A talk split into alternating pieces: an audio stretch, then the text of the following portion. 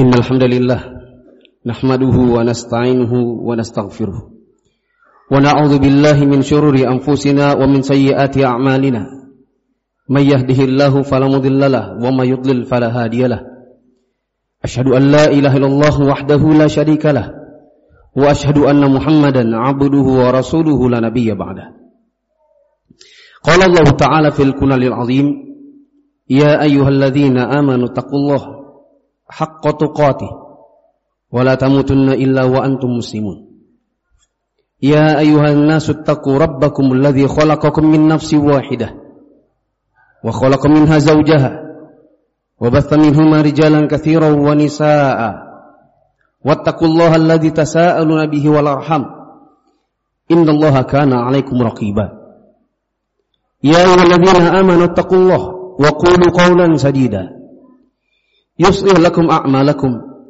ويغفر لكم ذنوبكم ومن يطع الله ورسوله فقد فاز فوزا عظيما. أما بعد فإن أصدق الحديث كتاب الله وخير الهدي هدي محمد صلى الله عليه وسلم وشر الأمور محدثاتها فإن كل محدثة بدعة وكل بدعة ضلالة وكل ضلالة في النار. Jamaah yang dirahmati Allah Subhanahu wa taala, kami awali khutbah pada hari ini dengan nasihat ketakwaan bagi diri kami pribadi dan bagi jamaah sekalian. Marilah kita meningkatkan ketakwaan kita kepada Allah taala dengan mengerjakan apa yang Allah perintahkan dan menjauhi apa yang Allah larang. Sebelum saya melanjutkan khutbah pada hari ini, saya nasihatkan kepada adik-adik yang di belakang. Hadapkan wajahnya ke depan Jangan ke belakang. Jangan bicara sendiri. Orang tua yang di belakang tidak perlu berbicara, tapi cukup menarik tangan salah satu dari mereka. Cukup memegang kakinya atau memegang pahanya agar mereka bisa menghadapkan diri mereka ke depan. Yang di atas, yang duduk di situ, disuruh ke bawah. Tarik mereka yang di luar itu agar mereka tidak bicara sendiri. Masuk adik-adik. Duduk di bawah dengan tenang seperti dua orang dewasa. Jamaah yang dirahmati Allah taala. Setelah Rasulullah sallallahu alaihi wasallam wafat, maka digantikan posisi beliau sebagai khalifah oleh Abu Bakar. Selesai dari Abu Bakar, maka berganti Umar. Umar bin Khattab punya dewan syuro. Punya semacam dewan pertimbangan khalifah. Sekumpulan orang yang rata-rata usianya tua. Rata-rata adalah sahabat-sahabat Nabi yang dulu di zaman Nabi pernah ikut perang Badar. Kepala mereka sudah beruban. Kecuali satu laki-laki. Yaitu sepupunya Nabi Abdullah bin Abbas yang usianya ketika itu baru belasan tahun. Ketika Umar bin Khattab mengumpulkan majelis syura'nya, sampai-sampai ada di antara sahabat yang sudah tua, yang menjadi dewan syura, dia mengatakan, wahai amirul muminin, kalau cuma anak seperti ini usianya, di rumah kami banyak. Kalau cuma seperti ini yang dijadikan dewan syuro, anak belasan tahun seperti ini, di rumah kami juga ada. Harusnya yang tua-tua. Maka Umar bin Khattab mengatakan, Nanti suatu saat kami akan lihat bagaimana ilmunya. Anak ini dibesarkan di rumahnya Nabi. Anak ini didikannya didikan Nabi. Ibnu Abbas radhiyallahu anhu bercerita, suatu hari kami dipanggil oleh Umar bin Khattab. Seluruh dewan syuroknya dikumpulkan, termasuk saya. Lalu Umar bin Khattab mengatakan kepada seluruh dewan syuroknya yang tua maupun yang muda. Kata Umar, saya ingin bertanya kepada kalian, apa makna ayat idza jaa nasrullahi wal fath? Apabila telah datang kemenangan atau apabila telah datang pertolongan dari Allah dan kemenangan. Apa maksud dari ayat ini? Ditanyakan kepada seluruh yang tua. Satu persatu. Dan semuanya menjawab bila telah datang pertolongan Allah dan kemenangan itu maknanya adalah apabila kita berperang maka mintalah pertolongan kepada Allah, nanti kita akan menang. Itu tafsirnya. Menurutmu bagaimana? Ya begitu. Menurutmu bagaimana? Ya begitu. Menurutmu bagaimana? Saya juga pendapat saya sama. Kalau kita lagi perang, minta tolong kepada Allah nanti menang. Ditanya kepada Ibnu Abbas. Nah, Abdullah, kalau menurutmu apa? Abdullah bin Abbas mengatakan, apabila telah datang pertolongan Allah dan kemenangan, maknanya apabila Muhammad akan diwafatkan. Dikarenakan ayat ini adalah termasuk di antara ayat yang turun di akhir-akhir hayatnya Nabi. Makanya Aisyah radhiyallahu anha sampai mengatakan setelah turun idza jaa nasrullahi wal fath bila datang pertolongan Allah dan kemenangan maka Rasulullah di dalam sujud dan rukuknya beliau membaca subhanakallahumma rabbana wa bihamdika allahumma firli. Di akhir-akhir hayatnya Nabi mengganti bacaan ruku dan sujudnya menjadi subhanakallahumma rabbana wa bihamdika Allahumma firli. Di bagian belakangnya ada perkataan Nabi, ya Allah ampunilah aku, ya Allah ampunilah aku. Jadi maknanya bukanlah kalau perang minta tolong kepada Allah lalu menang, tetapi maknanya adalah bahwa Muhammad sebentar lagi akan diwafatkan. Umar bin Khattab mengatakan, dan saya belum pernah mendengarkan tafsir ayat ini kecuali yang disebutkan oleh Ibnu Abbas. Belum pernah yang disebutkan seperti kalian. Kalau pakai logika biasa, oh, sepertinya itulah tafsirnya. Tetapi orang yang berilmu dari kalangan para sahabat Nabi, tafsirnya berbeda. Karena itulah yang diajarkan Nabi kepada mereka langsung. Yaitu maksudnya di sini kepada Ibnu Abbas.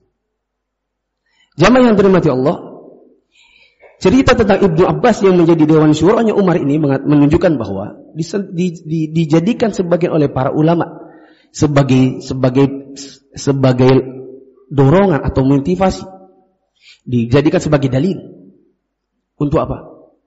Bahwa orang tua kalau punya anak, anaknya itu harusnya dari kecil didulukan di majelis-majelis orang dewasa.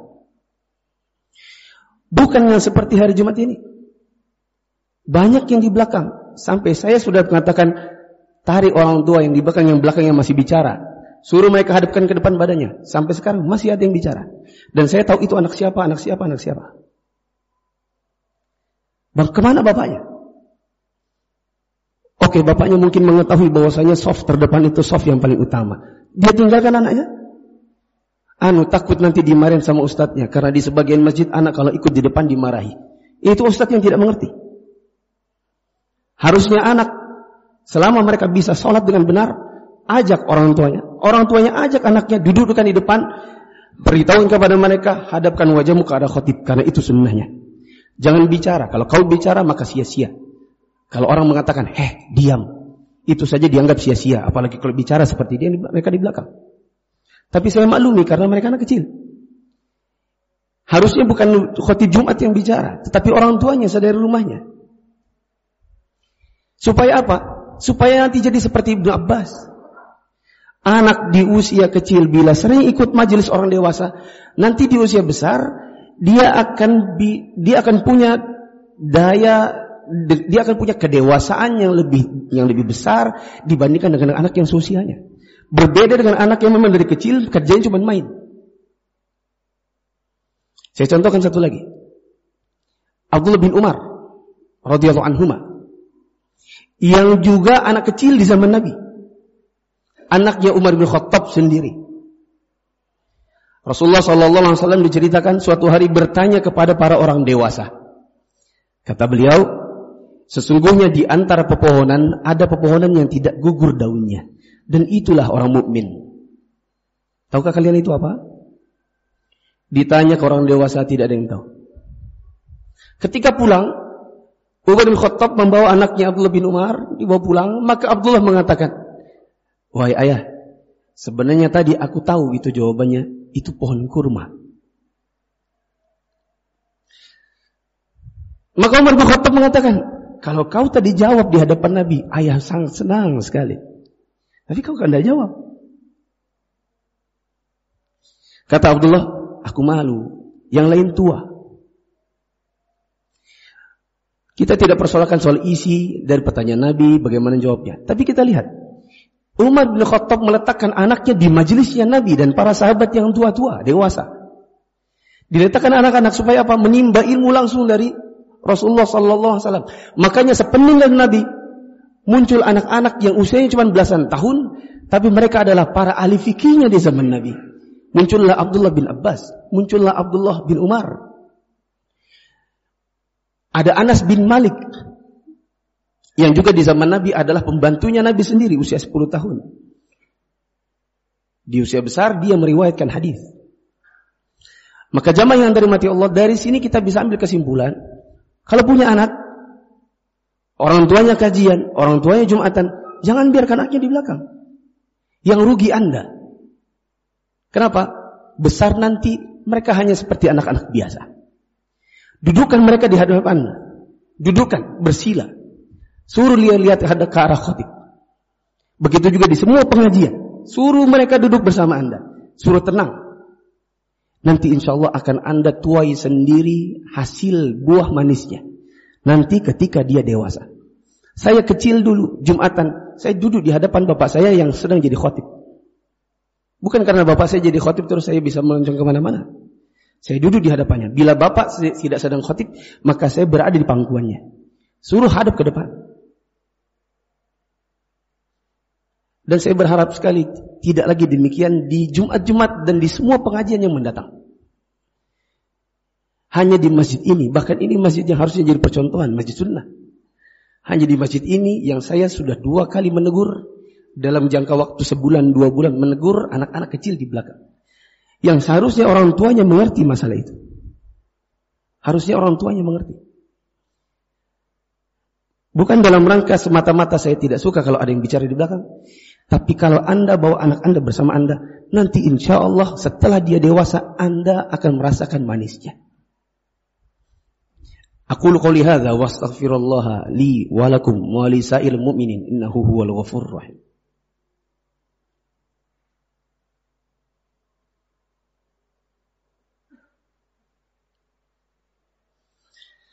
Alhamdulillah Rabbil Alamin Wassalatu wassalamu ala ashrafil anbiya wal mursalin Wa ala alihi wa ashabihi ajma'in. Jamaah yang dirahmati Allah Ta'ala. Kalau seandainya itu susah Maka saya katakan Anda yang merasa susah Tapi belum pernah praktek mungkin. Yang Anda perlu lakukan untuk bisa mendudukan anak Anda di hadapan Anda bermajelis bersama dengan orang dewasa supaya anak-anak besar nanti menjadi anak-anak yang usianya mungkin setara tapi dewasanya lebih. Dia sudah menimba ilmu sedari kecil. Dia akan lebih cepat matangnya. Bahkan insya Allah dia, dia akan jadi orang besar. Sebagaimana Abdullah bin Umar, Abdullah bin Abbas yang sedari kecil bersama Nabi. Besar Wafat Nabi mereka jadi orang-orang petingginya di kalangan sahabat Nabi. Di antara caranya, pertama, ubah mindset bahwa itu susah. Yakinkan bahwa itu mudah. Apa susahnya? Nah, sini, depan, duduk bersama. Jangan Anda turun dari motor, Anda masuk, Anda nggak tahu anak-anak mau ke mana. Anda duduk di depan, dapat soft terdepan, Alhamdulillah berpahala. Anak anda di belakang. Mereka sekarang ini yang sedang bicara. Yang kedua, sebelum berangkat dari rumah, buat kesepakatan. Ayah, Abi, ajak kamu ke masjid, tapi nggak boleh ribut. Kamu harus duduk sama Abi. Kalau dia mungkin masih kecil, berarti duduk sama Abi di belakang. Kalau dia sudah besar, 6 tahun ke atas, duduk di depan. Dulu saya mengajar, membuka pengajian di PTHR. Ada dua anak. Yang satu usia kelas 3 SD, yang satu kelas 6 SD. Dua-duanya punya kitab sendiri, punya buku catatan sendiri. Kajian nggak pakai mama bapaknya. Bahkan sampai sekarang ada yang saya lihat. Seorang anak kecil. Dikenal namanya Dahlan. Bapaknya kerja di Jakarta. Bapaknya tidak ada, anaknya duduk pengajian sendiri. Kajian subuh regensi bahkan. Duduk anaknya di depan tanpa ribut, mendengar dengan tenang. Buat buat perjanjian. Namanya anak-anak mungkin kalau dia berlaku baik ingin diberi penghargaan. Bila dia berlaku buruk maka diberi hukuman. Maka Anda terapkan yang sama. Bila kamu nanti pengajian, tidak lari-lari, ikut di depan, pulang bapak belikan, pulang kita ke, supaya mereka semangat. Kemudian minta tolong kepada ustadz yang menyampaikan. Agar ditenangkan, kalau dalam bentuk pengajian mungkin bisa membuat kuis atau hadiah khusus bagi anak-anak. Yang paling penting, harus aja kerjasama antara seluruh orang tua.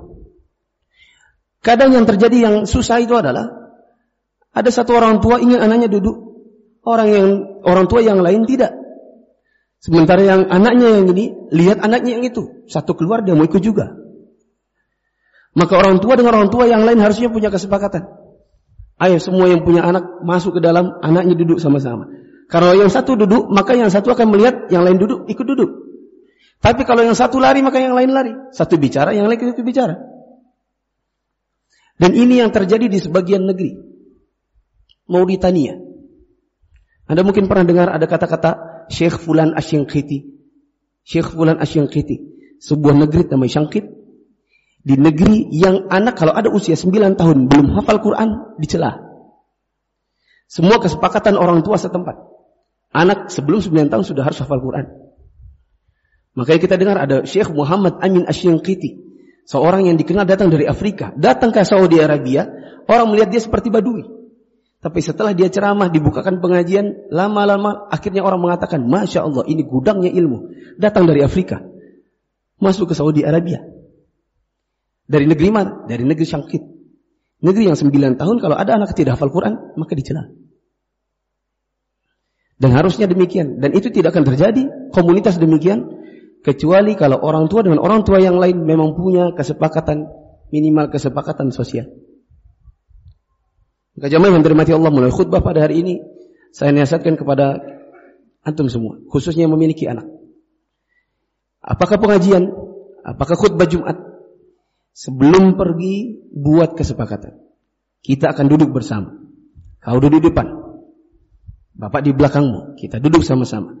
Bila kau mendengarkan sampai selesai, tidak lari-lari, maka Bapak akan berikan hadiah ini nanti. Bapak doakan semoga kamu jadi orang besar. Beritahu dia kenapa dia harus duduk di depan. Bilang kepadanya, ceritakan tentang Ibnu Abbas. Cerita, ceritakan kepada dia tentang Ibnu Umar. Supaya dia tahu bahwa duduknya di depan ini bukan demi bapaknya, tapi demi dia. Dan saya beritahu ini kepada Anda supaya antum semua mengerti bahwa ini bukan untuk saya, bukan untuk penceramahnya, tapi ini untuk antum semua dan insya Allah antum akan dapati anak antum. Ketika nanti antum tua, dia dewasa, dia akan jadi orang besar. Insya Allah. Ini adalah hari Jumat, hari di mana Rasulullah Sallallahu Alaihi Wasallam mensunnahkan untuk memperbanyak salawat kepada beliau. Dan Allah berfirman, Inna Allah wa malaikatahu yusalluna ala nabi.